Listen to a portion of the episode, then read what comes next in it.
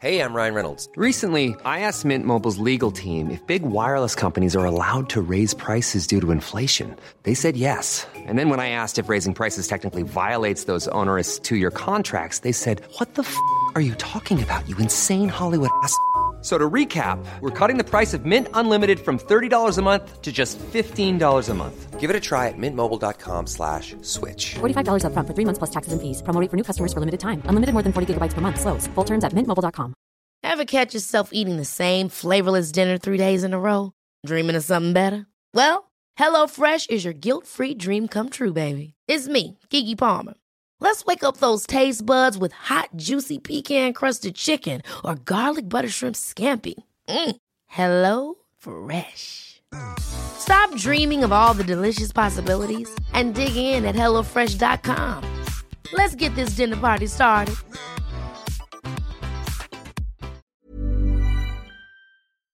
Du lyssnar på en podd från Media House by RF.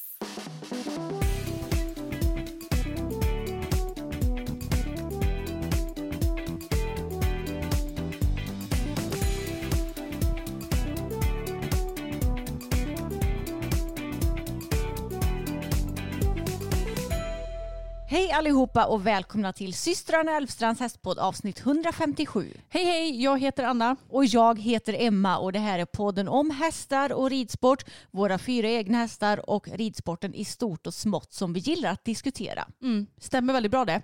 Hur mår du denna soliga måndag Emma? Ja men det går ju inte att må annat än bra när solen skiner. Det är nog närmare 10 grader ute skulle jag tro. Och det känns snarare som en så här fin början av aprildag snarare än mitten av februaridag. Ja, det är ju inte en typisk februaridag, det kan vi ju snabbt konstatera. Och jag var så fruktansvärt trött i morse efter gårdagens kaosiga tävling. Men efter att vi har varit i stallet så känner jag mig bara så fylld med energi. Vi red ut en sväng idag med våran eh, medryttare Sigrid som har sportlov nu. Hennes eh, sista för övrigt, för Ja. hon går ju sista året på gymnasiet. Och det var bara så, alltså, jag kunde inte sluta le. Nej. Jag kände bara gud vad härligt, hästarna var pigga och glada utan att bli alldeles tokiga. Ja, och äntligen att vi kunde rida som vanligt när vi rider ut. Alltså skritta, trava och galoppera. Förut har det varit så här, nej vi får ta det lugnt idag för nu är det fruset och helt hårt på grusvägarna Ja. så man knappt kan göra någonting. Eller så ja, har det varit halt, ja men ni fattar. Nu är det äntligen så här, vi har fått en försmak av våren idag. Mm, och det tackar vi och tar emot. Ja, det lär ju garanterat komma snö och vinter igen. För som sagt, det är ju bara mitten på februari. Det ska ju inte vara så här varmt egentligen. Men jag njuter och tankar upp energi och så får jag liksom tänka att nu är det bara lite, lite kvar av den här vintern. Sen så är våren förhoppningsvis här. Ja men alltså hästarna går ju till och med nakna lite idag. Ja, väldigt skönt. Det är så himla härligt. Men Emma, ska vi ta och riva av plåstret på en gång? Ja, vi får göra det. Det vill säga ta och prata om gårdagens kaos. Ja, för kaos var det och vi kan ju ganska så snabbt också konstatera att vi kommer inte att ta med Fokus och Bella på samma tävling igen. Nej, det kommer vi inte göra. Och vi kan väl ta allting i kronologisk ordning hur själva tävlingsdagen såg ut. Och det kommer för övrigt komma upp vlogg på det här imorgon.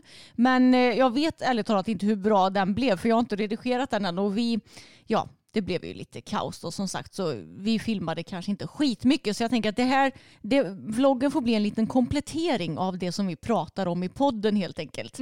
Ja, men då var det ju som så att vi skulle ju starta på eftermiddagen runt fyra båda två. Bella och Fokus skulle för första gången någonsin åka på tävling tillsammans och jag och Bella skulle debutera medelsfobiet. Och vi hade väl sagt innan att ja, men vi får ta den här tävlingsdagen som ett litet test på att se hur det går för dem att åka ut på tävling tillsammans. Och så hade vi ett tidsschema. Du och jag vi putsade och packade på förmiddagen. Sen åt vi lunch och sen så skulle vi fixa Bella och Fokus och då var ju vi så effektiva så att jag tvättade alla ben och borstade medan du knoppade och sådär. Men vi har ju sagt det Anna nu i veckan att vi har ju kommit på att du har ju tre stycken mellannamn. Anna är ju ditt förnamn. Sen har du ditt första mellannamn. Det är eh, planering Ja. och ditt andra mellannamn det är effektiv. Men så kommer ju då det här tredje mellannamnet som förstör lite allting och det är ju tidsoptimist. Ja fast den här tävlingen får jag faktiskt skylla lite på dig. Jaha. För att jag frågade dig hur lång tid tar det att åka till Vänersborg och du bara ja men det tar väl till 40-45 minuter. Nej, 45 minuter sa jag. Ja. Mm, det, tog, det tog ju 45-50 minuter kanske. ja, lite drygt. Mm. Mm. Just det ja. Det tog ju inte en timme i alla fall som Ja, du sa närmre. göra. Nej du. Jo men lite tidsoptimister det är vi ju absolut. Det roliga är att Emma bara åh men gud vi har så gott om tid Ja. att göra i ordning hästarna och jag kände bara eh, det är nog inte så gott Nej. om tid. Det är nog ganska så precis att vi hinner med allt Ja, vi behöver. Problemet var ju också att de var så fruktansvärt sketna. För nu har ju det blivit plusgrader. Ja, och då har ju de rullat sig i lera. Så de var leriga man, svans, ben, alltså överallt. Så det tog ju tid för mig att tvätta benen. Det tog jävligt lång tid att borsta ur svansarna Mm. och få dem rena på kroppen. Och det tar ju alltid tid att knoppa. Alltså det, det, det så lite ut som att de hade ett Instagram-filter på sig. Mm. Du vet såhär Valencia eller något Ja. vad de där hette. För de var helt gråa i manerna och Ja. svansarna. Exakt. Ja, så man kan ju säga så att det tog ju lite längre tid än vanligt att göra i ordning dem. Men eh, ja, alltså det, själva den biten gick ju bra och eftersom jag tänkte att ja, men nu ska jag vara seriös och filma ordentligt när, när vi gör de här förberedelserna idag. Då tog det ju ännu längre tid för jag tror att många fattar nog inte hur lång tid det tar att filma samtidigt som vi gör i ordning hästarna. Nej men jag skulle säga att ska vi filma en tävlingsdag och Mm. bara under den tiden det tar att göra i ordning hästarna. Jag tror vi får lägga på en halvtimme alltså. Ja, För att kunna göra det ordentligt och ibland vill man ju visa lite saker och ibland Mm. så vill man prata om saker och då kanske man inte riktigt kan göra sakerna så snabbt som man brukar. Nej precis, så det var ju lite missbedömt men både ditt och mitt mellannamn är ju tidsoptimist och pappas eh, ska tilläggas. Ja. Ja, men sen så kommer vi ju då till det allra roligaste precis innan vi skulle åka. För då låg vi redan tio minuter efter i schemat. Så vi skulle ju ha lastat för tio minuter sedan. Men då står ju Bella och Fokus i stallet med sina flistecken och skydd och lädergrimmer och är redo att gå in i transporten. Och då ser jag att Anna hon håller i både Bella och Fokus och jag tänkte att ja men bra då ska jag bara gå in i ladan och hämta båda kylskydden för du har ju köpt ett par kylskydd till Fokus också. Så då skulle jag ta in dem och lägga in dem i transporten. Anna hon tror att jag ska ta Bella som ju är lös. Så Anna går ut ur stallet med fokus mot transporten och Bella hon står ju alltså då lös för hon sitter inte fast någonstans. Och när jag har tagit skydden, öppnar dörren för att gå ut igen i stallet, då ser jag att Bella är lös och precis då så går hon iväg och smiter ut. Ja, att tilläggas var att den ena, eller båda stalldörrarna var ju öppna också för att pappa han skulle väl ge Pebban mer hö eller han gjorde Ja. något liksom att han hade öppnat dörren och gått ut. Så att han stod ju inte heller där redo Nej. att fånga henne om det skulle behövas. Exakt så jag bara Bella smiter nu fick jag skrika. Och jag bara åh nej, åh Ja. Mm. nej. Hur svårt är det för oss älvsträndar att kommunicera? Ja. Det hade ju bara varit för mig, tar du Bella? Ja precis. Eller att du hade sagt jag hämtar kylskydden eller Ja, vad det, som det, helst. Ja men det roliga är att du bara går ut utan att ens Men säga det är så typiskt mig. Du bara antar att jag ska ta Bella. ja! Det är så himla dumt. Det, det roliga var ju då att ja, men då smiter ju Bella ut och går ut mot gårdsplanen mot hagarna. Eh, och jag tänkte att ja, men jag går och ställer mig på jag gick runt stallet ifall hon skulle smita åt ena hållet och så kom då pappa åt andra hållet. Och det Bella gör då det är att hon går in i den hagen som vi har avstängd just nu. Alltså det går inga hästar där men av någon anledning så är den öppen från utsidan så att man kan gå in i den. Och då hade ju hon tydligen, ja men då hade hon gått in i hagen och sen ser jag att pappa är på väg till henne så han lyckades ju fånga henne snabbt som tur var för annars hade det kunnat ta hus i helvete och hon hade sprungit runt där och vi Gud, hade inte ja. fångat henne. Då hade vi verkligen blivit sena. Men det roliga var att han sa det att Bella hon höll på att rulla sig. Hon Ja. var på G att rulla sig. Jag tänkte bara kul om vi har stått här nu i liksom ett par timmar försökt få rent hästarna precis när vi fått dem hyfsat rena så smiter hon, går ut i hagen och rullar sig så att vi kommer till tävlingen och ändå har en smutsig häst. Ah, så lärdom av den här tävlingsdagen, kommunicera. Ja precis, men pappa fick ju tag på henne då som tur var. Det var. Hon var inte så svårfångad. Det var tur att hästarna i hagen skötte sig för hade de börjat springa och tjoa och kimma och hålla på då hade, hade det inte gått. Nej, och jag såg att Pebban blev lite triggad av att Bella kom och gick där Ja. lös. För hon blev lite så här, stegrad lite halvt. Så jag bara, håll dig lugn nu så att såren läker Ja. gumman. Ja, så himla dumt men Mm. det gick ju bra ändå. Ja. Så till slut lastade vi, åkte till Vänersborg och kom fram. Jag, jag hade sagt att jag skulle lasta ur fem över tre och vi kom fram, fram. Vi kom fram klockan tre. Mm. Så det var ju ändå absolut ingen tidspress. För jag brukar ju ändå planera så att man har lite space på varje punkt. Ja. Men eh, det blev ju ändå så att vi hann inte chilla någonting innan utan jag sa till Emma och pappa ni får ta och lasta ur fokus och gå och kissar. För att jag var sjukt kissnödig. Jag hade inte hunnit kissa när vi stod och gjorde ordning hästarna. Och ja, Fokus han blev ju genast lite upprörd över att bara han skulle lastas ur. Ja. Men eh, vi fick ändå i ordning och gjort honom ja, men hyfsat enkelt ändå Ja. får jag säga. Så jag vandrade iväg mot framridningen. Pappa hade ju skrittat honom en bra stund innan medan jag bytte till kavaj och sådär. Så jag vandrade mot framridningen och sen så, ni som har varit i Vänersborg vet att man går från parkeringen och så ska man liksom mot eh, deras paddock som de har mellan ridhusen. Och precis där så har de en container som de har som mock eller bajscontainer tror jag. Och där så vet jag inte riktigt vad Fokus gör. Han vinklar rumpan mot mig och knuffar typ på mig. Så jag bara, men Fokus här står jag, eller här går jag liksom. Eh, sa till honom så här. Och sen tappar jag honom.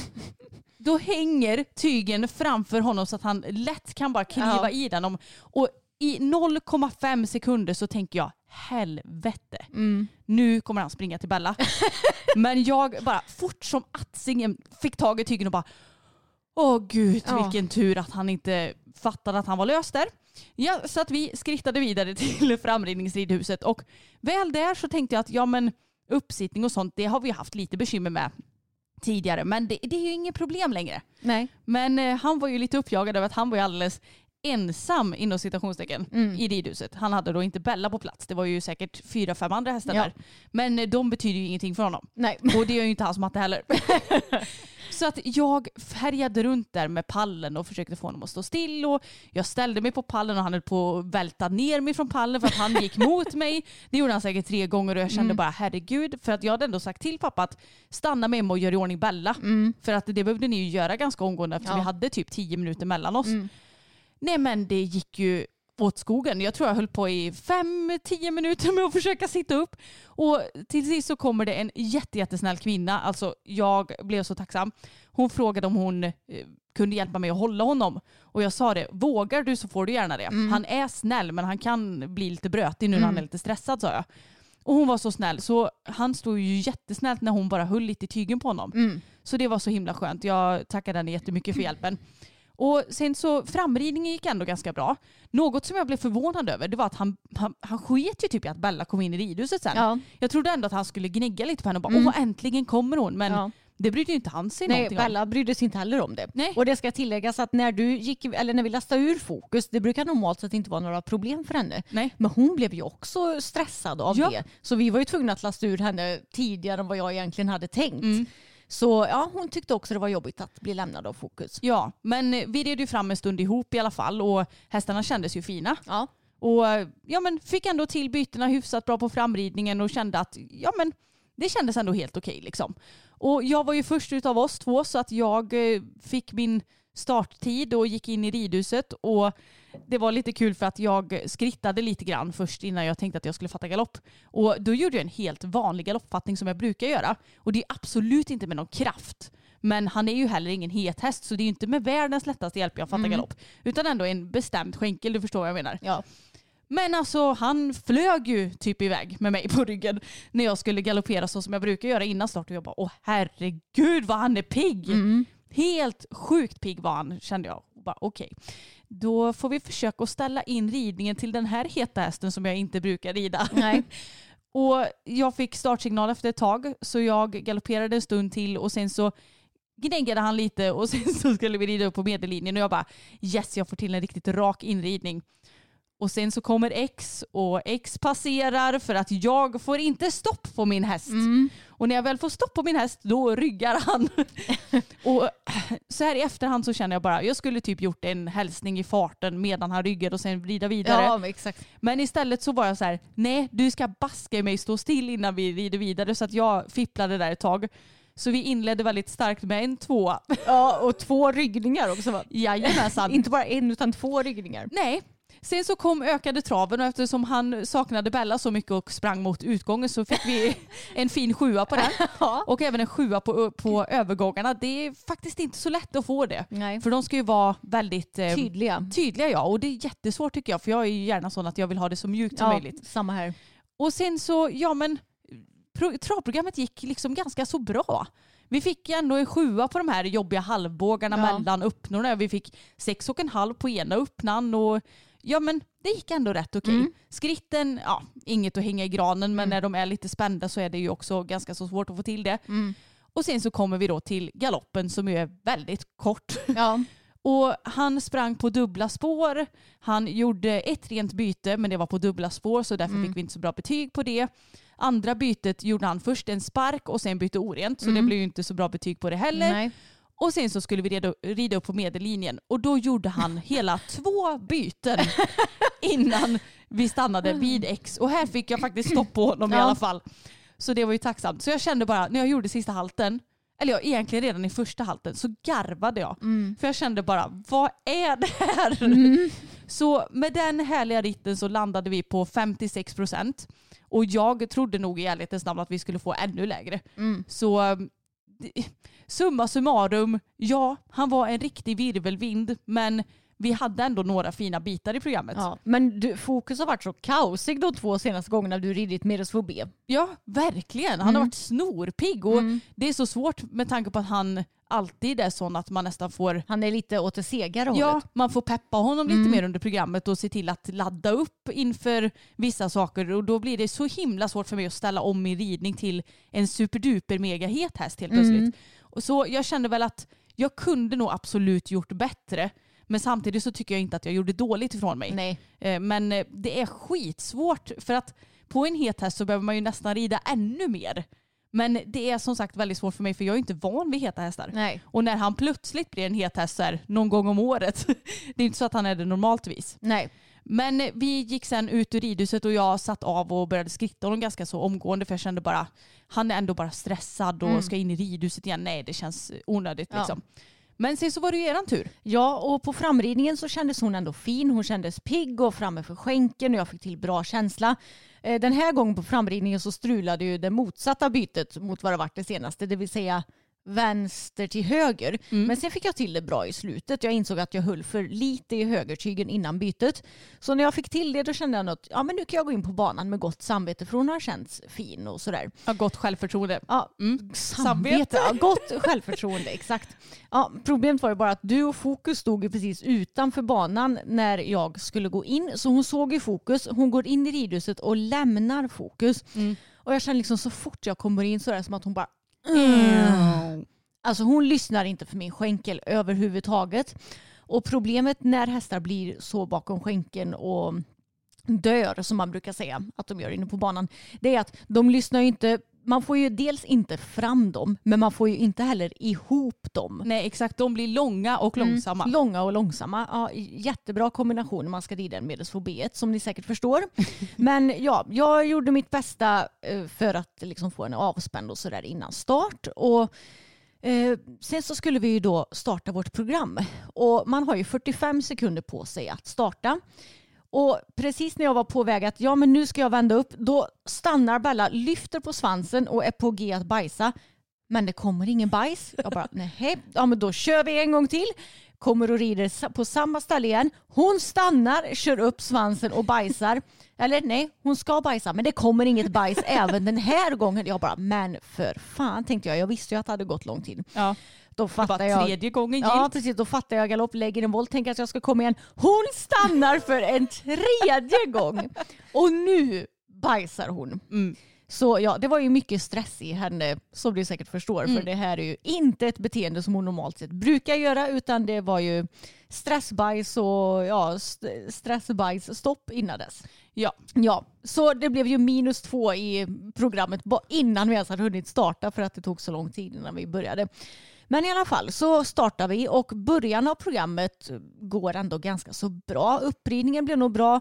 Ja, ökade traven, det blev ju ingen ökad trav då eftersom hon var så seg. Men vi fick till väldigt fin halt och ryggning och fick även en sjua på volten med förlängd form.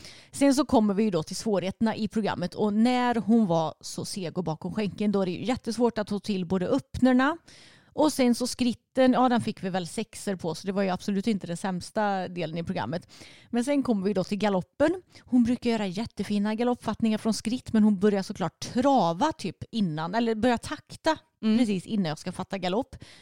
Och sen ökade galoppen, gick väl ganska så bra. Men sen kom vi då till första bytet och det här bytet gjorde hon så fint på framridningen. Och precis när jag tänker att ja, men nu ska jag lägga an min byteshjälp så bryter hon av till trav. Så det blir inte ens något byte utan det är galopp, trav och ny galopp. Och jag bara, alltså bara det är Meres på B1, inte lätt B2 eller vad fan det nu är där man gör så här. Så vi fick ju en stabil nolla på den, där det är koefficient dessutom. Ja, så den är ju värd två. Alltså man kan säga så här, om det är koefficient två då är ju betyget värt två gånger. Så det var som att du fick två nollor i protokollet den här gången. Hade jag fått, säg att jag hade fått en sexa, då hade jag fått 12 poäng där. Exakt. Nu fick jag noll poäng. eh, ja, och sen så överstrykningen, den fick vi väl en sexa på också.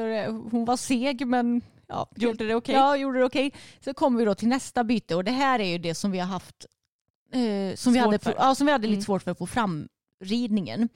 Så hon vill ju inte byta galopp där då utan det blir så att hon byter inte galopp utan hon går kvar i vänster galopp typ tre steg och sen får jag ändå till något sorts byte. Domaren skrev att det inte var rent. Jag har inte hunnit se filmen än men det var säkert orent och det var ju definitivt alldeles för sent för det var ju nästan när jag kom ut vid långsidan. Så det fick vi en stabil trea på men tre är åtminstone bättre än noll så någonting. Ja och sen så vände jag rätt upp och halt hälsning och jag kände att efter min ritt att jag det hade gått mycket, mycket sämre mot vad jag hade hoppats på. Jag hade hoppats på att få mycket bättre känsla. Jag vet ju om att vi egentligen kan öppner och byten och de svårigheterna i programmet. Jag har ju lagt upp en hel del snuttar på Instagram där ni har kunnat se där att det, det är inga svårigheter för oss att rida det här programmet egentligen. Nej, och jag som har sett er och träna så länge, jag vet ju om att ni egentligen platsar här. Mm, precis.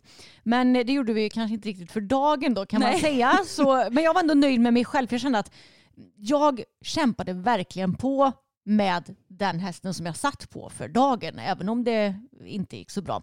Och ja, tack vare alla missar och nollor på koefficienten och minus två och allt vad det nu var så landade vi på stabila 48 procent. Alltså vi fnissade så mycket åt det. Ja. Det är, man kan ju säga att det är ju ditt eh, poängrekord neråt. Ja, det är helt klart det absolut sämsta jag någonsin har fått procentmässigt på en dressyrtävling. Jag sa på tävlingen att det här är det sämsta resultatet jag någonsin fått. Men sen kom jag på att med Bosse, vår första häst, när jag skulle tävla i en klubbdressyr, då kunde jag inte ens starta för han vägrade gå upp till medellinjen. Så jag kunde liksom inte ens vända upp på medellinjen. Så det, det kan ju nästan inte gå sämre än det. Då ska jag ju typ så ramla av eller något sånt där. Ja, eller hur? Mm. Nej, så att resultatet, nej men gud alltså jag blir så fnissig Ja, när jag jag tänker på det. Jag tycker på något sätt att det är så gulligt för att det gulligaste av allt är att Bella blir så blyg. Hon blir så blyg och det, det blev ju inte heller bättre av att fokus stod utanför idrottshuset och gnäggade på henne. Ja, Men alltså, han var typ inte tyst en enda sekund och jag kände bara, ska jag gå härifrån? Det hade ju kanske varit det allra Mm. ja, bästa det hade men det nog är, ju, bättre. det är också så svårt att veta hur nej. man ska göra. Ja men det var så kul för jag hörde ju hur han gnäggade och varje gång han gnäggade så spetsade hon öronen och så jag kände att hon spände till ännu mer i Ja. kroppen. Och, ja, nej, det, det var inte riktigt Bellas dag igår kan man säga. Nej, inte fokus heller. Nej, men ännu mindre Bellas dag Ja. får man säga. Ja, men hon, var, hon gör ju sitt bästa även om det blev som det blev såklart. Men ja, det är inte lätt när de beter sig så himla annorlunda. Bella hon blev ju en riktig snigel mot vad hon brukar vara och Fokus han blev en rallybil mot vad han brukar Ja, vara. verkligen. Men känner du så här nu efter gårdagen att det känns pinsamt att du har 48 procent i ekip eller tycker du bara att det är så här skitsamma? Nej, jag bryr mig inte. Alltså, Nej. jag tyckte bara det var lite roligt när jag såg poängen. Ja, men jag tycker ändå att det är viktigt att vi pratar om just det här för att jag tror att många ser en himla prestige i det här med procent och att man kanske egentligen inte vågar ut och tävla förrän man har någon form av chans att knipa en rosett typ. Och ja, vissa kanske tänker så och det är helt okej att känna att eh, ja, men ibland så kanske hästen kan bli stressad över att den inte klarar av programmet. Men jag menar våra är ju väldigt coola när det kommer till sådana saker. Så de, de bryr sig inte om de får orena byten eller att det Nej. blir lite knasigt. Eh, framförallt för att inte vi blir arga på dem heller Ja. förstås. Jag, jag satt ju bara och skrattade åt Fokus när han höll på med sina konster. Men eh, jag tycker också att Alltså det är ju bara en tävling Ja. och vi är ju ute för att träna på att tävla och förhoppningsvis att det kanske ska lossna en dag. Mm. Det är inte hela världen att få dåliga procent. Nej. Det är ju ingen som det straffar mer än att ja, det, det står ett dåligt resultat i resultatlistan. Ja, och det bryr jag mig inte om för jag har inte tänkt att sälja min häst ändå. Exakt. Det vet jag att många kan vara oroliga för att nu står det det och det för jag har tänkt sälja min häst i framtiden och då är det dåliga resultat. Ja, men jag tycker sånt är så kul också för att jag menar det finns ju ingen som säger att ja, men säg att jag ska köpa häst av dig.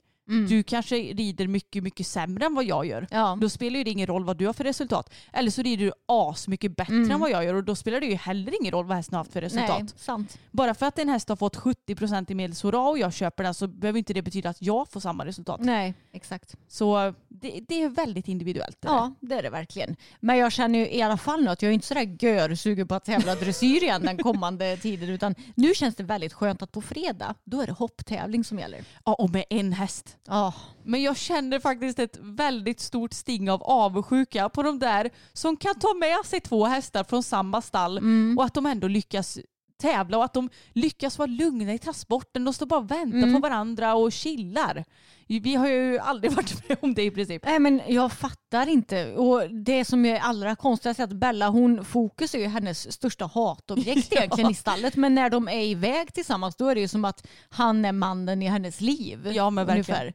Nej, så det är ju lite, eh, lite jobbigt. Jag, jag hoppas ju att det kommer gå bättre att åka iväg med Bella och Pebban sen när det vankas. Ja, men de är ju å andra sidan totala bästisar redan från början så det kanske blir ännu värre. Men det, det återstår att se och man måste ju prova. Och det är klart som tusan att vi hade kunnat bara, nej men nu jäklar, nu ska det gå. Och att vi hade tränat på det. Men jag känner rent spontant att jag orkar inte det. Pappa han sa det roligt. Men ni får väl träna på det. Ni kan ju åka till ridskolan och så kan ni gå ut med någon häst. Eller vad? vad? Ja men typ rida en häst i Ja, taget precis. eller någonting. Man bara, men det blir inte samma sak pappa. Nej, för, det har ju ändå funkat relativt bra om man jämför med hur det gick igår. Det funkar ju bra för Bella i alla fall. Mm. Fokus blir ju väldigt stressad när han är själv i transporten när Bella är med. Så det har inte funkat lika bra för honom. Men jag eh, tänker ju bara på när vi red, fok- nej inte fokus, Tage och Boppen samtidigt också. Ja. De var ju inte heller sådär jätteenkla att ha att göra med Nej. i samma transport. För jag kommer så väl ihåg att Boppen, när vi var i Floby en gång, då såg jag hur han kom stegrandes ut ur Ja. öppningen. Ja, för För att då, han ville till Tage. för då skulle jag rida en klass va? och sen skulle du rida Tage eller om det var Ja, tvärtom. något sånt. Ja, så jag red ju boppen på framridningen då. Och sen så var det en öppning, alltså den var ju öppen hela tiden så det var ingen grind. Mm. Och då bara han liksom stegrar ut och han är liksom var en, över 1,80 hög så kommer han, står på sina bakben, stegrar och springer ut ifrån banan för att han ska ju bara till Tage som är Mm. på parkeringen. Ja, och jag för mig att det var, för jag var inte framme vid er då. Jag tror att jag hade lastat in Tage eller något Mm. sånt där. Och pappa var inte heller där hos er just då. Nej. Så jag tror att det var någon man där som fick leda Boppen Ja, in exakt. i, i Så var det då. igen. Ja, herregud. Så det kan vara. Vi, jag, jag hoppas som sagt verkligen att det blir lättare med Pebban och Bella. Pebban är ju så snäll så henne tror jag, alltså jag tror typ inte någonting någonsin kommer vara ett problem med henne för att hon är ett sånt A-barn. Ehm, och sen så tänker jag också att Bella hon är ju mycket bättre på hopptävling än på dressyrtävling. För jag Ja. får ju aldrig till den här bra känslan på dressyrtävling som jag får på träning. Medan på hopptävling känns det ju nästan alltid bra med henne. Ja, och nästan typ alltid bättre. Mm. Eller ännu bättre för att hon, hon tar i lite mer och hon anstränger sig lite mer på hopptävling. Mm. Så det är ju bara att konstatera att Bella är ju kanske inte riktigt en dressyrhäst även om det är kul att kunna komma ut ibland bara för att ja, men också håll, underhålla den grenen Mm. Ja, lite grann. jag får se. Om ett halvår kanske jag får något sug igen. Ja. Eller så kanske jag blir lite revanschsugen om ett tag. Men nu, min nästa dressyrtävling kommer ju bli på fokus, Anna. Ja, hur känner du inför det då? Jo, men det ska bli spännande. Jag måste lära mig ett nytt program. Medelsvår B1 var ju så himla lätt att lära sig för det är ju så extremt kort. Medelsvår C1 är ju längre och det känns som att det är de här snett igenom vad säger man, diagonalerna. Mm. De är ju på lite olika ställen också så då ska man komma ihåg allt sånt. Ja, men jag tycker ändå att det makes sense lite grann. Jo, Så vet. Mm. eh, du kommer att fixa det bra och du har ju ändå sett mig rida det programmet ganska många Ja, gånger. Jag kan det på ett ungefär. Mm. Det är bara att jag behöver ha lite mer koll på exakt mellan vilka punkter de rids. Så ja, jag får ta och börja rida lite mer eh, dressyr på Lukesnoke. Jag slipper ju de där jobbiga bytena. Japp. Eh, Så det blir öppna, sluta och enkla byten och förvänd galopp istället. Så ska jag försöka få till skolorna hyfsat bra också. Det är ju inte hans eh, styrka direkt. Nej inte direkt men det börjar ändå lossna mer och mer. Verkligen. Så det är kul. Men eh, jag eh, ser verkligen fram emot att få se er från läktaren. Jag har ju aldrig sett min häst från Nej, läktaren på tävling Det förut. bli roligt. Men just det, ja, efter att vi var klara med både Bella och Fokus, Mm. då skulle ju Fokus få på sig sina nya kylskydd för första det. gången också. De var inte så populära enligt herr häst för att han är ju ganska känslig om sina ben och han kan bli lite sådär att nej men måste du ta på mig ett benskydd och kylskydd använder man ju för att förhindra att de får skador helt enkelt. Undvika senskador och sånt som ger blödningar och man vill ju gärna hålla benen kalla. Ja. Så därför rider vi ju också ganska sällan med skydd och sånt där för att hålla dem så kalla som möjligt. Men i alla fall, jag, jag tänkte inte att det skulle vara ett bekymmer. Så jag satte mig ner och så tog jag de här kylskydden kring hans ben och han bara lyfte upp hu- huvudet tänkte jag säga. Foten och bara nej. Så jag fick ju be pappa att hålla uppe det ena benet medan jag satte på skyddet på det andra. Ja. Och han var inte nöjd när det väl kom på. Då höll han på och sträckte ut Ja. benet och bara i. Så vill han inte stå still heller. Nej, och pappa bara, han kanske tycker det är för kallt. Men grejen att hästar känner inte kyla på sina underben särskilt mycket. Har jag förstått det som. För jag menar, jag tror att galopp, i galoppstall, om jag inte minns helt fel, då är det ganska så poppis att ställa hästarna i så isbad en stund istället för att ha så kylskydd. Och det brukar inte vara några problem. Men ja, han, jag hoppas han ska vänja sig för jag tänker att det är ett bra komplement till att ja, men underhålla benen helt Ja enkelt. men exakt. Och vi hade ju bara med oss pappa på den här tävlingen vilket jag kände så här i efterhand när vi startade så tätt var faktiskt en person för lite. Men det är ju också väldigt svårt att veta för att det är ju aldrig några bekymmer annars. Nej. Men pappa, han är ju underbar på väldigt, väldigt många sätt och ibland så tror jag att folk tycker att vi är lite hårda mot honom i podden. Om ni tycker det så får ni hålla för öronen nu. för att alltså, jag har, pappa han är ju väldigt, väldigt frågvis, alltid. Men igår, jag vet inte hur många frågor han ställde. Nej. Alltså det var så här, Hans frågelåda. Det var miljarder frågor. Mm. Vem är det och vart kommer den ifrån och varför är inte den med på den här tävlingen och vad har den för häst och vad har den startat innan och hur gick det för den personen och vad fick du för poäng på den rörelsen? Alltså, Det tog aldrig slut. Jag kände bara snälla pappa kan du sluta fråga så Och mycket? speciellt så här, han är också jätte, jättefrågvis efter att man har ridit. Och det är inte så att du och jag var speciellt nöjda efter våra starter. så det är han, så här, han kan ju aldrig heller känna in hur din energi är, vilket till exempel jag kan. Ja. Och jag vet om att ja, men efter din klass då vill du gärna andas lite och inte kanske prata direkt med någon utan få smälta det som har hänt. Men då kommer ju Hasses frågelåda där med så här, ja, vad gjorde Fokus där då? Vad fick du för poäng där? Ja men det blev väl bra den uppridningen när du fick en tvåa. Typ så här. Han är ju... Ja, han var så rolig för han bara men den sista halten den blev ju helt perfekt. Där Ja. måste du fått en sjua och jag bara nej jag fick en fyra. Han bara varför det då? Och jag bara men han bytte ju galopp Ja, två gånger innan exakt. halten så Mm. att hade vi inte fått en bra halt då kanske vi hade fått typ en tvåa där också. Ja precis, Så- jag vet. Nej men han, han är ju så söt för han menar ju absolut inget illa men man Nej. blir bara lite så här. Kan du snälla sluta fråga? Det är, det, jag skulle kunna ha med mig en treåring. Den Ja. hade frågat lika mycket frågor som pappa alltså. Om inte mindre! mindre. ja, herregud. Så det var, det var lite av en pers kan man säga. Det Ja, det. jag var helt slut när jag kom Ja. hem. I dubbel bemärkelse. Dels att besvara alla pappas frågor och sen dels att, jag vet inte, försöka Ja. hålla min häst i någorlunda ja, Lugnt skick. lugnt skick. Ja, och pappa har ju alltid så också, när vi åker hem från Vänersborg ska han ta en annan jävla väg Ja, som, tar, ja, som tar mycket längre tid och som är mycket, det är så här, då ska man köra igenom hela Vänersborg med rondeller och lite väg upp och så är det mycket eh, vad heter det, slingrigare väg och han bara men den vägen är närmre. Man bara ja bara för att en väg är närmre så betyder inte det att det går snabbare. Alltså han fattar inte sånt där, jag blir tokig. Ja, och det roliga är att vi brukar alltid tänka så här, vilken väg är rakast när vi åker häst, eh, hästtransport? Mm. Ja. Det spelar ingen roll att den raka vägen tar en kvart Nej. längre tid. För Mm. att det är ju bekvämare för hästarna att åka så rakt som möjligt tänker jag. Mm, precis. Men eh, pappa har inte riktigt hakat på det tankesättet. Nej, och han är ju som eh, en typisk man också som tycker det är kul att åka olika vägar så Ja, man ja. kan se olika saker. Men det är inte roligt att åka samma väg hela tiden. Alltså, när du åker bil då ska du ta dig från punkt A till punkt B. Det är Det var punkt A till punkt A jag på att säga. Precis. Men han har ju alltid varit sån Ja. och jag glömmer aldrig när vi skulle med vår förra häst, eller första häst menar jag, Mm. Bosse till Nygård heter det va? Mm.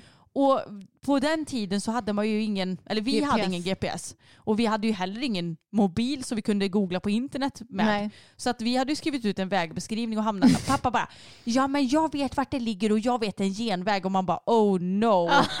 Då vet man att man hamnar helt åt skogen. Och det går ju absolut inte heller att eh, kritisera någonting Nej. han gör för då blir han jättekränkt. Så vi kunde inte övertala honom om, om att nej nu ska vi följa vägbeskrivningen Ja. utan det är ju så här my way or nothing är det som gäller för honom. Lite så. Så vi hamnade ju hur fel som helst men vi hittade ju till slut. Men jag för mig vi fick typ flytta ner det eller något. Ja, jag fick starta sist Ja. för att vi kom fram liksom. När ja, typ- tävlingen började. Ja, exakt. Så jag hann ju inte ens, ja det var ju någon sorts terränghoppning vet jag, Mm. så jag hann ju inte gå någon bana utan det var ju bara att följa själva slingan och hoppas på det bästa. Ja, Det var den här herregud. tävlingen du vann dock. Det är alltid så med dig när vi hade tag och, och Ja. varför vill jag säga Boppen Bosse? Mm, Det var så här, om ni kom fram med lite stress då presterade du som bäst. Ja, då hinner jag inte tänka så mycket. Nej, det kanske vi ska testa nästa gång nu och Bella ska hopptävla. Precis. Nej, helst inte. Nej. Ja, nej, så det var en lite kaosig dag. Minst sagt. min- minst sagt, jag har sovit som en stock i natt ska jag ju säga. Ja, jag med. Mm. Och ändå, när jag, jag kände bara att jag kunde typ inte öppna ögonen i morse för jag kände bara att jag behöver sova typ sju timmar till eller någonting. Mm. Men nu är jag pigg och glad och eh, ja, vi har ju lärt oss mycket av den här tävlingen i alla fall. Ja, det har vi verkligen gjort. Och som sagt, nu är jag väldigt, väldigt taggad på att det blir hopptävling på fredag istället. Jag med. Ja, och vi ska ju hoppträna på onsdag också. Mm. Eh, det ska bli kul för eh, ja, dig och Fokus att ni kommer igång och hopptränar. Jag tänker att eftersom jag tränar på fredag får väl jag ta det lite lugnare på träningen och kanske inte hoppa riktigt så mycket som eh, vi brukar göra. Mm. Men ändå skönt med ett litet genrep så här ett par dagar innan tävlingen. Ja, jag tror det blir alldeles perfekt. Ja, och jag ska till Alingsås för övrigt på fredag och hoppa 90 centimeter och en meter. Känns som en skön start på året. Jag brukar ju sällan hoppa två klasser men jag kände nu att eh, nu när jag har hoppat så lite kan det vara ganska skönt att hoppa en liten förklass inför en meter Ja. som är bedömning A0 så jag vill ju gärna hoppa den men det kan vara gött att liksom jag har tagit med någon, någonting först för nu var det ju ändå ett bra tag sedan som Bella var iväg på något annat ställe och hoppa än Mm. på ridskolan. Ja, och det är ju ändå tre månader sedan snart som ni hoppade på tävling. Ja det är det kanske i slutet på november. Mm. Ja, det blir ju. Närmare tre månader, Ja, det blir närmare tre månader. Så Tiden att, går fort. Det gör det, men det ska bli jättespännande så ni får hålla tummarna på fredag.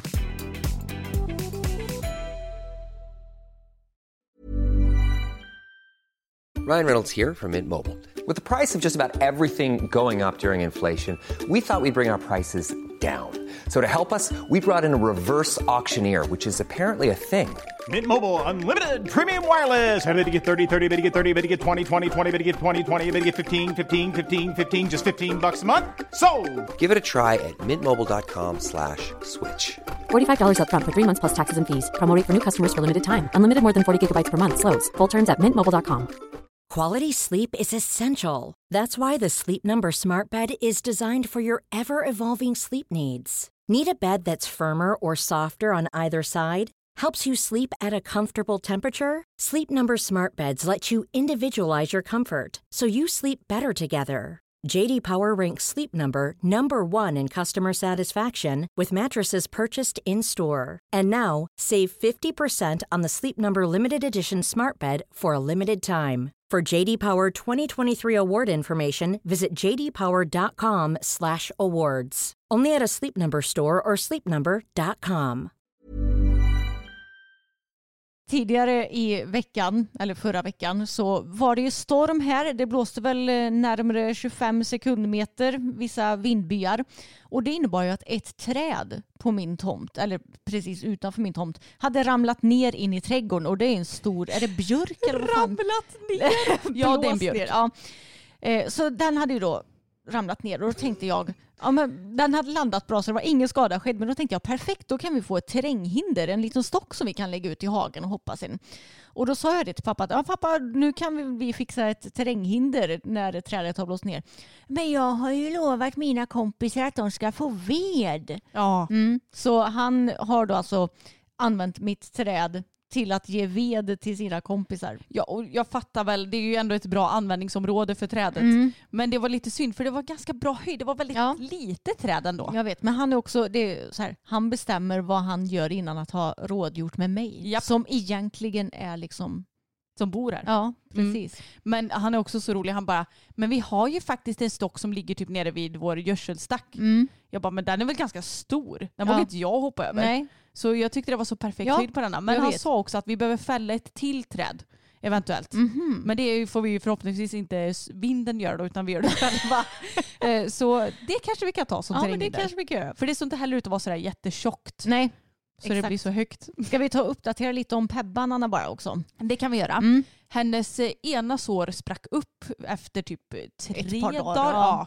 Och det är det som sitter i fram på frambenet eller typ i, i skarven mellan Ja, frambenet och lite bogen. så här, vad ska man säga, armvecket? Ja, men, Ja men typ. Ja. Mm. Jag tror ni förstår vad vi menar. Mellan bogen och frambenet. Ja. Mm. Och det, det är jätte, jättevanligt att det spricker där. Och det är Mm. också väldigt vanligt att inkar sitter just där. Mm. Så vi skickade till vår kompis Moa att nu har det spruckit, vad ska vi göra? Och hon sa det att nej men det finns liksom inte så mycket att göra. Man provar ju alltid att sy ihop och det är väldigt, väldigt, väldigt ofta det spricker där. Mm. Så det är ju bara att försöka att ta bort stygntrådarna så gott man kan. Försöka hålla rent och försöka att sätta snygg. Det är ju som ett plåsterfästar. Ja. Men snygg, ja, det, jag förstår själva grejen men det sitter ju fruktansvärt dåligt i alla fall just på det stället. ja, för där, hon rör ju på sig hela tiden där och Mm. då blir det ju rörelse så det är svårt att få det att fästa. Det sitter ju helt okej men eh, ja, det lossar ju gärna lite högst upp i alla fall. Mm. Så just nu så går hon ute och det får lufta sig lite grann och sådär. Men det känns som att det läker ändå bra ändå. Jag fick leka lite veterinär förra veckan Mm. och eh, ta vår lilla typ nagelsax-ish som vi har i stallet och klippa bort de eh, stygntrådarna som jag kunde så jag fick nästan bort alla stygn. Det är nog bara någon liten vad säger man? Knut. Stump. Ja, Mm. precis. Stump som finns kvar. Men jag blev lite nöjd bara, nej det får inte mm, växa fast i såret typ för då, Mm. det var ju ganska många stygn. Men jag var ju så grym så jag fick bort allt. Jag stadigt på min hand. Ja men du gjorde ett Mm. grymt bra jobb faktiskt. Och vi ska ju ta de andra stygnen, det blir förmodligen imorgon, Mm. alltså onsdag när ni lyssnar på detta. Så då ska resten av stygnen tas och de ser ju jätte, jättefina ut. Ja, de är så fina. Och jag skickade bild också på hur såret ser ut idag till Moa. Och vi skickade också bild på hur såret såg ut för typ en vecka sedan eller vad det nu kan Mm. vara. Och hon sa att det ser ut som om det läker fint. Så det är nog på rätt väg. Även om det fortfarande kan se brutalt ut så ser ju jag att det helt klart har gått åt eh, rätt, håll. håll. ja. Mm. Och det är ju lite så också, i och med att det har spruckit upp så kommer det ju ta längre tid innan det såret läker och det är ju kanske framförallt det som är lite tråkigt. Mm. Men samtidigt så är det ju vad det är och vi måste ju få det här gjort så det är liksom Ja. inte så mycket att göra åt den saken. Nej, exakt. Och nu går hon ju i en väldigt liten sjukhage. Mm. Den får vara boxstor. Så vi har byggt den framför ena hagöppningen till där grabbarna går normaltvis. Mm. Men nu går ju Bella ihop med killarna. Så att eh, de är fyra stycken i den hagen och så går Pebban ja, Mm. väldigt avskilt. Vi har gjort som en dubbeltråd så att de inte kan komma för nära henne. De kan nosa på varandra Mm. om de vill men de sa att inte de skulle råka göra sönder något eh, stängsel eller Ja, sådär. jag tänkte att det var onödigt att Ja. sätta dem tråd i tråd. Mm, nej men det går så bra. Hon har ju vatten och fri tillgång på hö så de står där med sitt hö och tar en tuss och doppar det i vatten och äter det och hon är så, hon är så nöjd. Vi sa det förut att vi har aldrig varit med om en häst som är så, eh, vad sa du, chill på livet? Ja eller? men hon är så tillfreds med vad Ja. man än gör nästan. Verkligen. Ingenting känns som ett problem för den Nej, hästen. För att man bara, ja nu ska du gå i den här pyttelilla hagen och hon bara, Okej. ja, då gör jag väl det Och så är då. hon jätteglad och lugn. Och Ja. Hon hade ju stått på box i, ja det blev en vecka för det var så fruset ut så vi kunde inte fixa någon hage förrän efter typ en vecka. Nej, pappa Hans han hade ingen bra lösning. Men Nej. det hade faktiskt ni följare. Mm. För det var folk som skrev att man kunde liksom gjuta Ja, jag eh, vet. Staket, staketpinnar i hinkar till exempel. Det var ju skitsmart. Ja, verkligen. Men vi gjorde aldrig det. Men Nej. det är ju ett tips om det är någon annan som sitter i samma sits. Precis, vi lät det gå ett par dagar istället. Och Mm. Nu har hon sin lilla hage och då tänker man att ja, men om, man, om en häst har stått på box i en vecka och inte har fått komma ut ur stallet överhuvudtaget då kanske den är lite så här knäpp och har väldigt mycket energi när den ska ut ur stallet. Men nej, nej, hon är ju en ängel precis som vanligt så bara gå rätt ut i hagen, är hur lugnt som helst i hagen och de andra hästarna är så söta för de står ju där och ska umgås med henne. Jag vet och det gulligaste av allt är det att Tage när han är där själv då står han framför hennes höbing och står så här och hänger. Men så fort någon annan kommer då vågar han inte stå där utan Nej. då står han vid sidan och hänger istället. Ja, det är så sött. Och även när de alla andra hästar är iväg, typ om de är och äter så att de inte är vid henne. Jag tror knappt ens att hon ser dem när de är och äter. Nej. Så är hon ändå lugn för att hon vet om att de är där. Ja, hon har inga bekymmer Nej. överhuvudtaget med att gå där Mm. själv. Så det, det är väldigt härligt att hon inte står på boxvila nu i alla fall. För det innebär ju lite mindre jobb för oss även om hästarna såklart ska in och ut och det ska mockas hit och dit. Men vi behöver i alla fall inte mocka boxarna i stallet tre gånger om dagen och ja, hålla på och rotera massa hästar och sådär. För det har tagit väldigt mycket tid och energi. Så nu känner jag mig väldigt nöjd över det. Mm, det gör jag också kan jag säga. Och jag kommer att tänka på nu när jag pratar om Tage, att jag klippte ju faktiskt Tage och Fokus förra veckan. det. Det var lite kul för jag har varit så här bara nej, hela vintern har jag tänkt att jag skiter i att klippa, de får ha sin päls och jag orkar inte. Men sen så visade ju väderprognosen att det skulle bli typ 8 grader och vi har ju ja, men säkert 8-10 grader idag. Mm. Och jag kände bara nej, Fokus och Tage kan inte ha sin björnpäls Nej. om det ska bli så här varmt. De blir ju svettiga av ingenting. Och jag kan säga med tanke på söndagens stresstävling så är jag väldigt glad över att jag klippte Fokus innan det. För att han var ju dyngsur trots att jag hade klippt honom. Men det var ju väldigt mycket stress inblandat. Ja. Så klippmaskinen fick åka fram förhoppningsvis för sista gången Ja. den här säsongen. I tisdags var det va? Eh, ja. Och det kändes väldigt skönt att ha det gjort. Så trots att min tanke var att inte klippa så fick det bli det. Mm. Och det känns otroligt skönt nu när det är så himla himla varmt.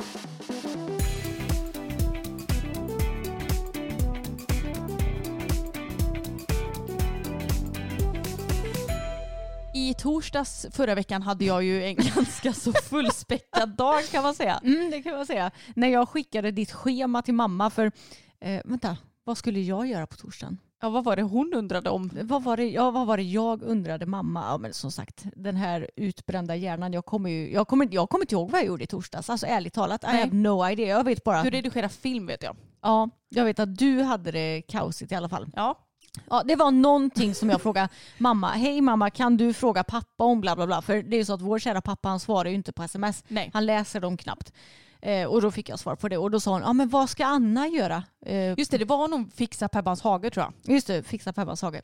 Eh, och då sa, frågade mamma, ja men vad ska Anna göra då? Så jag tänker att jag läser upp ditt schema för torsdagen här då. Mm. Du gick väl upp eh, kanske 20 över 4 eller Japp. något sånt där.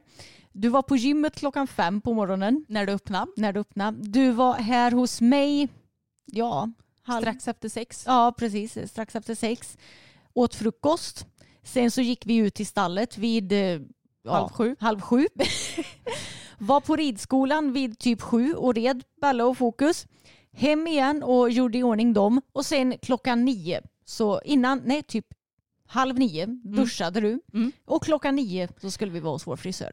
En eh, liten modifikation. Jag tror jag duschade kvart i nio. Ja, kvart i nio. Och dessutom så hann vi ju då mocka boxarna inne, Mm. mocka ute i hagen och fixa lite hö och så rida och allt sånt. Och det låter ju som att vi har stressat sönder. Men grejen är att det var liksom inte så stressigt ändå. Nej.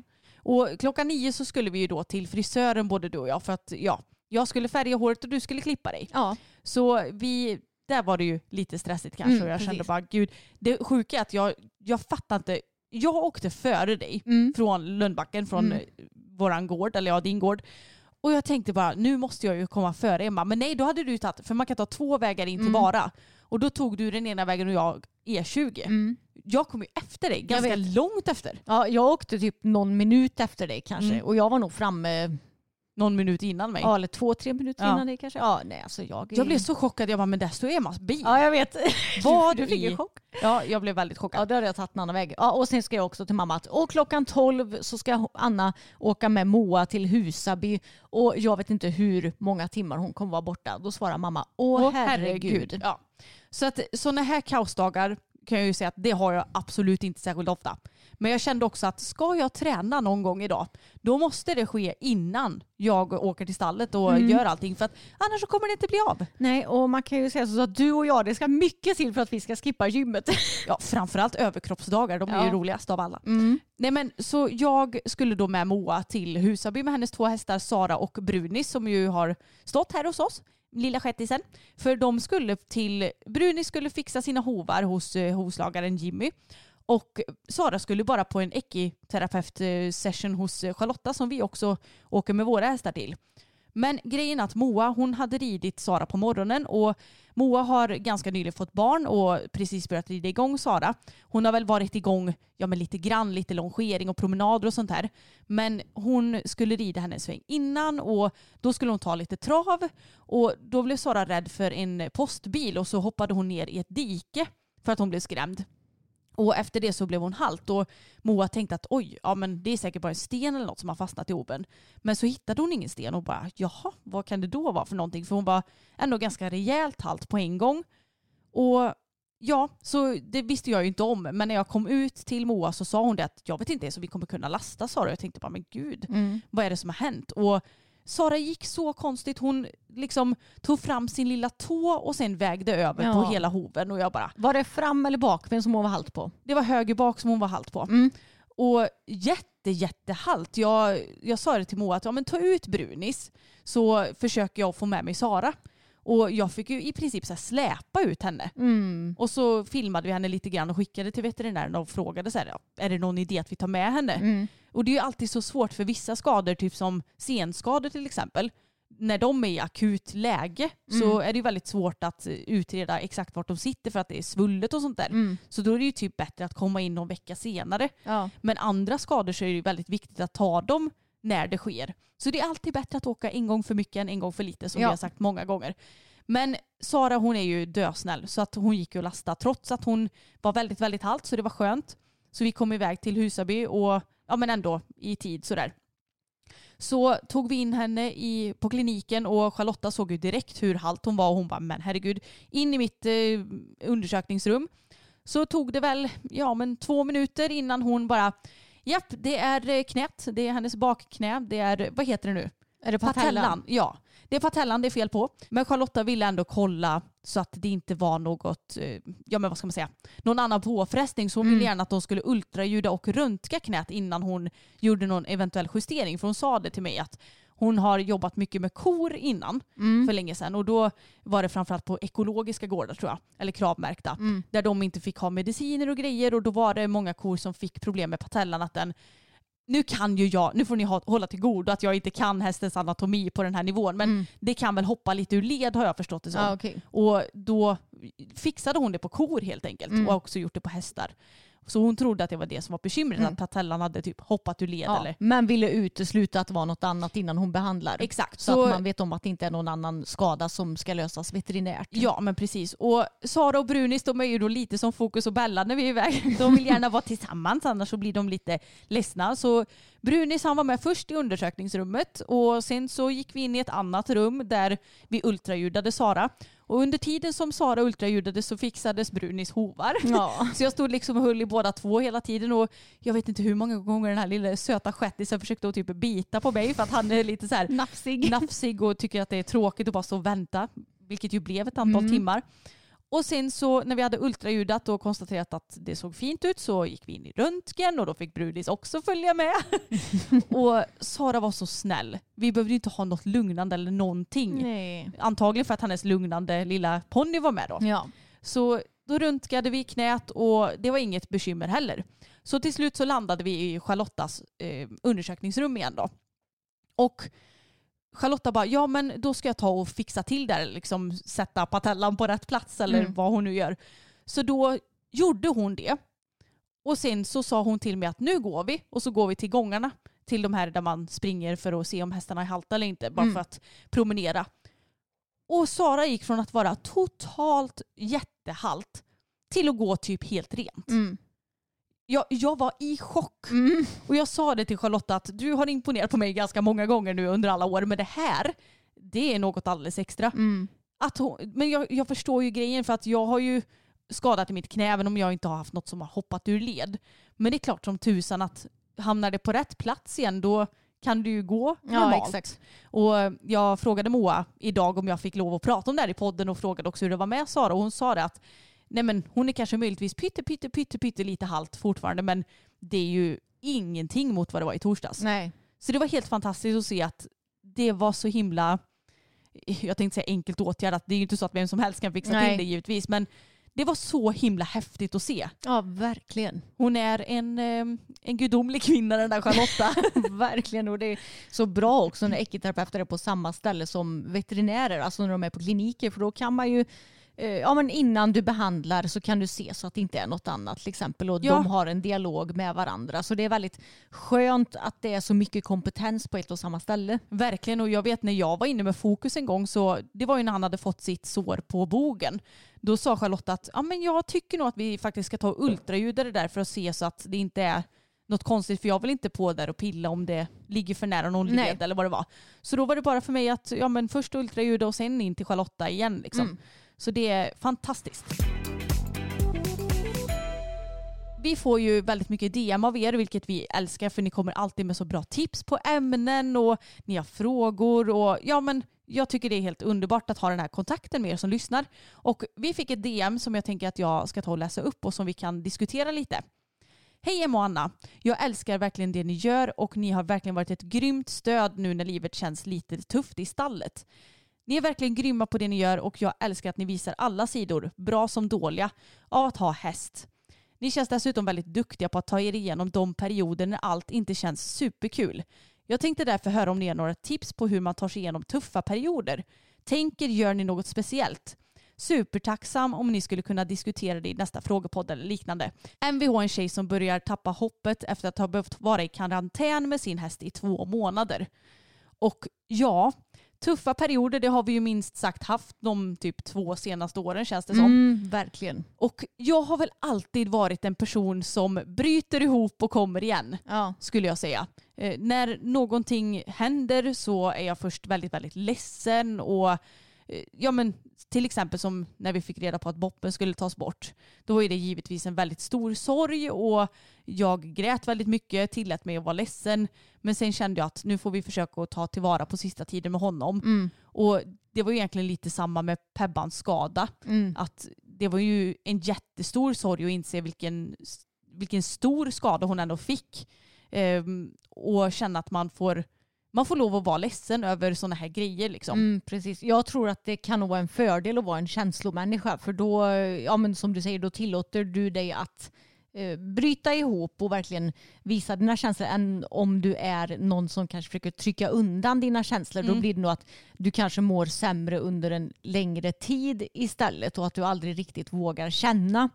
Men någonting som jag tror har varit viktigt för oss nu när vi har haft det tufft det är att vi har ju ändå försökt hitta de här små ljusglimtarna och kunnat se positiva saker i annat. Som till exempel ja, men med, när vi var tvungna att ta bort boppen. Det var väl en, eh, en period där ändå Bella kändes väldigt bra tror jag och Mm. det började gå bättre med fokus. Då fick man ändå försöka att tänka positivt på det även om det var skitjobbigt med boppen. Och sen samma, ja men nu när Pebban blev skadad, det har ju också varit under en period när Bella har känts väldigt fin till exempel. Mm. Så mm, det, vi har liksom försökt hitta de här små grejerna som vi har kunnat bli glada över. Och om, säg att du kanske bara har en häst då, för vi har ju ändå fyra stycken. Så det är ju ganska så sällan som både alla är friska samtidigt men också som alla är skadade eller sjuka eller rehabiliterade samtidigt. Men om du bara har en häst så kan jag förstå att då blir det kanske ännu lite svårare att försöka hålla upp eh, motivationen och att eh, kunna gå vidare. Men då kanske du istället får hitta de här små grejerna i din vardag som gör att du motiveras. Det kanske är någonting som går väldigt bra på jobbet eller du kanske eh, har tid att träna mer och känner att du kan jobba på att bli starkare i din kropp. Du kan fokusera på skolan, att det går bra i skolan. Du kanske umgås mycket mer med vänner, hitta på något nytt kul. Alltså att du får försöka få in de här små glimtarna i vardagen och sen bara lite försöka få tiden att gå med det som är jobbigt. Ja men lite så. Jag tänker också att ja, men har man en häst i karantän som den här personen skriver eller om man har en häst på boxvila. Det finns ju ändå lite små saker man kan göra med en häst som inte får göra så mycket. Man kan ju kanske börja och lite klickerträna och man kan ju småmentalt träna även i boxen. Jag menar det finns ju något som heter piggsvinsleken. Det skulle man kunna göra även på liten yta till exempel. Det går ju att googla om man är nyfiken på att testa det. Och umgås med sin häst, klia, prata, borsta. Jag tror att det är sådana grejer som man verkligen bara låter vara när man, men när man har sin häst igång och fullt frisk och rider. Då, man njuter ju kanske inte riktigt av de här ryktstunderna utan det är bara en självklar grej som man gör kanske innan ett arbetspass med hästen. Ja men det blir en rutin. Ja men verkligen, det går på rutin. Och att man inte funderar så mycket. Men det finns ju ändå saker man kan göra även om det suger så hårt att ha sjuka hästar och skadade Mm. hästar såklart. Men jag tror mycket på att försöka att få livet att fortgå.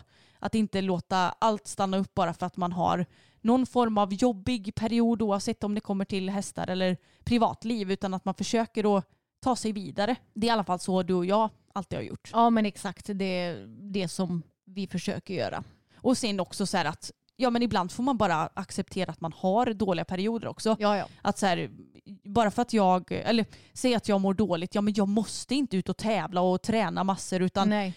tillåt dig själv att ta det lite lugnt en månad och sen så, nej men då kanske man ska sätta en liten deadline att då ska jag komma igång ordentligt igen så att Mm. det inte bara blir att det blir helt flytande heller. Nej, precis. Det är ju också så med motivation att eh, Det är ju inget som kommer Nej, automatiskt. Det är inget som kommer automatiskt utan du behöver ju oftast vad ska man säga, resultat för att få motivation. Och då måste du kanske göra lite grejer trots att du känner dig omotiverad till Mm. det till exempel. Mm, jag hoppas att det här var ett eh, bra svar. Det känns som att sådana här svar ofta blir lite flummiga. Mm. Men det är ju också för att det kanske inte bara finns en, ett inrutat svar. Nej exakt. Och jag tänker också att om det är fler personer som lyssnar på den här podden som har bra tips så kan vi ju kanske kommentera tråden till det här avsnittet på vår eftersnacksgrupp Mm. som heter systrarna Elfstrands hästpodd Eftersnack.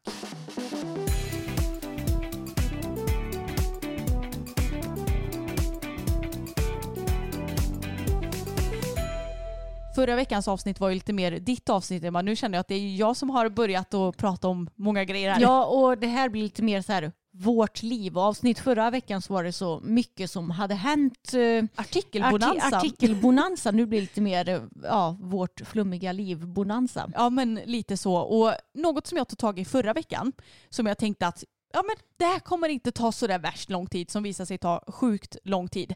Det var ju att fixa en höjdpunkt på vår Instagram där vi har eh, ja, men skrivit lite om alla våra hästar och även om Abbe och Boppen som ju är änglahästarna. Och då så skulle jag ju fixa alla bilder så här. Så först en bild på Tage, att det står att han heter Katago och sen nästa bild så stod det lite mer information om, hen- om honom att ja, men han heter si och så, kallas för si och så, är född då och då. Alltså sådär. Det ska tilläggas att det som tog allra längst tid det var ju för dig att hitta ansiktsbilder på bara hästarna utan oss. Ja, för jag tänkte att det roligaste är väl ändå om bilderna är lite enhetliga eller att det åtminstone är liknande bilder. Så jag ville ha ansiktsbilder på hästarna. Och det var så svårt att hitta för att antingen så stod vi och posade bredvid eller så har vi bara ridbilder, Ja, inte några vet. ansiktsbilder. Så jag bara, men herregud, jag kan ju inte bara avsätta en tid till att ta bilder och på Abbe och Boppen är det ju för sent, de finns ju inte längre. Nej. Men efter mycket om och men så lyckades jag hitta en bild på varje häst. Och det var lite kul för att vi tänkte att det var en självklar grej att först skriva ut deras riktiga namn som de heter i passet och sen ett smeknamn. Och jag menar Tage, Boppen, Bella och Pebban och även Abbe som vi hade. De var så självklara smeknamn för det var det som vi kallade dem hela tiden och det är klart att de har ju många smeknamn. Men de har ändå sina självklara namn som vi kallar dem allra mest.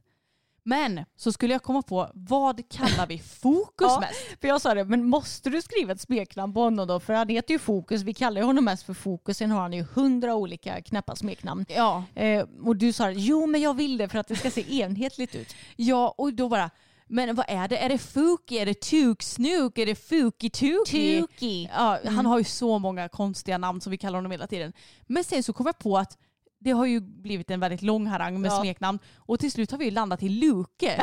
Luke är det som vi kallar honom för mest nu. ja, och det är ju ändå det som vi... Jag tyckte det var så kul för då står det Fokus, för han, han heter ju faktiskt Fokus i passet, den enda av våra hästar som ja, Kallas för sin har, riktiga. Ja, precis.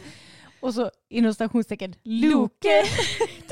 Ja, men jag, jag säger nog verkligen Luke mest nu, eller Luke. Ja, men det är ju så. Och hur vi kommit fram till det smeknamnet det har ju blivit bara så här tuk, snuk, fuk, tuk, tuk, luke. Alltså det, det bara byggdes på det där. Och så det är ju kanske lite random att fokus kallas för Loke. Men jag tycker han ser ut lite som en Loke också. Han hade lika gärna kunnat eh, vara svenskt varmblod och heta Loke. Liksom. Ja men typ. Jag tycker Loke är ett jättegulligt namn. Jag hade lätt kunnat tänka mig att döpa en häst till det. Sen kanske det passar ännu bättre på en shettis eller en ponny. Eller något kallblod. Ja eller kallblod ja och heta Loke. Men jag tycker det är ett väldigt väldigt gulligt namn. Så till slut så hittade jag ett smeknamn till honom. Mm, det var ju för väl det. Och vill ni se den här presentationen finns den som sagt på vår Instagram som heter systrarna Elfstrand. Där presenterar vi hästarna om ni har lite dålig koll på dem. Och det finns ju vår höjdpunkt. Exakt, sparat där. Precis. Men eh, ja, på tal om det här med sociala medier då. Så har ju jag gjort en spaning på min Facebook i veckan när jag har varit inloggad på den. Jag använder ju Facebook ganska lite. Det är typ ja, men för att leta grejer att prata om i podden ärligt talat. Ja det är typ samma här. Ja, på olika forum och nyhetssidor och sådär. Så det är ju det som jag använder min Facebook till. Jag uppdaterar aldrig själv längre. Nej. Men så fick jag upp i mina aviseringar. Du har blivit utvald som ett stort fan till motherhood.se och till Amelia. Jag bara, vad i helvete, vill du ha ett märke för det? Och jag antar att det är så här, om man kommenterar de här sidorna så står det typ så här stort fan. Ja och det är ju så här om man kommenterar och gillar mycket har jag förstått det som på en viss sida. Ja. Då kan man få den märkningen. Ja, men jag har aldrig någonsin varken gillat eller kommenterat något på någon av de sidorna. Men så Motherhood.se. Motherhood.se. bara, Ja, för det är ju verkligen så jag. Ja, och Mother- Amelia, det är väl också typ så lite mer åt tanttidninghållet eller? Precis, jag vill ju tro att jag inte riktigt är i den målgruppen än. Så, men jag är tydligen stort fan för båda de här sidorna, eller Ja. kan bli om jag väljer att bli det.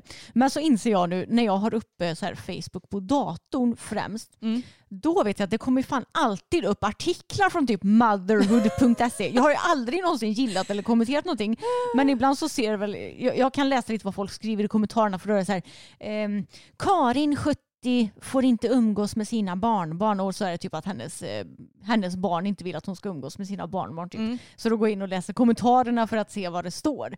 Ja det är tydligen tillräckligt då för att du ses som ett stort fan. Jag har aldrig ens klickat mig in på den här sidan, jag har aldrig gillat något, jag har aldrig kommenterat någonting. Bara för att jag har liksom, är lite nyfiken på vad folk kommenterar så gör det mig tydligen till ett stort fan på tantsidor på Facebook. Ja, och det är få saker som engagerar människor så mycket som just barn. ja exakt. Så jag förstår ju att du blir nyfiken ändå. Mm, Undrar om jag kommer få upp förslag om de här grupperna nu när vi pratar om det och telefonen ligger här i mitt knä. antagligen. Det är ju så, det är lite creepy. Ja, det roliga var att igår, eh, jag är ju lite så här hudvårdsnörd, och då har jag fått upp så här reels på ett märke som jag är sugen på att testa. Murad va? Ja, Murad ja. Eller jag har ju en dagkräm från det men det är lite andra grejer som jag vill testa ifrån dem. Eh, och då var det så här, jag hade varit inne på deras sida men sen så ville jag få upp lite reels där det är typ så här folk som testar grejer från dem eller så här, det här är de bästa produkterna och sådär. För det har jag fått upp förut och då har jag sett deras produkter. Och då fick jag inte upp någon trots att jag scrollade så då var jag så här, jag, jag är ju lite konspiratorisk så då höll jag på och sa Murad, Murad, Murad, Murad, alltså flera gånger bara för att mobilen skulle ja, Catcha eh, upp det. Catcha upp det ja. Och kanske rekommendera lite sådana reels. Men det gjorde det inte. Tyvärr. Det, det kanske inte går så snabbt. Det kanske kommer typ idag. Ja, kommer kanske. upp svinmånga sådana. Var det igår du tänkte? Ja, Ja. exakt. Så det, det gick ju inte på en minut då tydligen. Nej, vi, vi får göra en uppdatering om Ja. det här. Exakt. Så det ska bli intressant att se. Innan vi säger tack och hej för den här gången så vill jag bara säga att ni kan träffa oss på Göteborg Horse Show nästa vecka. Och vad blir datumet Emma? Det blir lördagen den 25 februari klockan 15.00 i Success Monter. Ja, och de 20 första personerna får en goodiebag.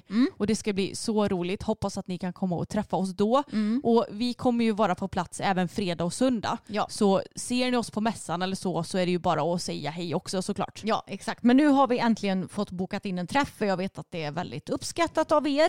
Så då vet ni att på lördagen klockan 15.00 i Success Monter så är vi där. Och se till att vara där i tid för då kommer ni kanske få en goodiebag om ni är där riktigt tidigt. Eller hur? Mm. Och, och det ska bli så kul att träffa er igen, Mm. äntligen. Det ska bli superkul. Men eh, tack så mycket för att ni har lyssnat på dagens avsnitt. Glöm inte att prenumerera på podden om ni inte redan gör det. Och vi finns ju också på YouTube där vi heter systrarna Elfstrand och det heter vi även på Instagram. Det stämmer bra det. Ha det bäst hörni så hörs vi igen nästa vecka. Det gör vi. Hej då! Hej då!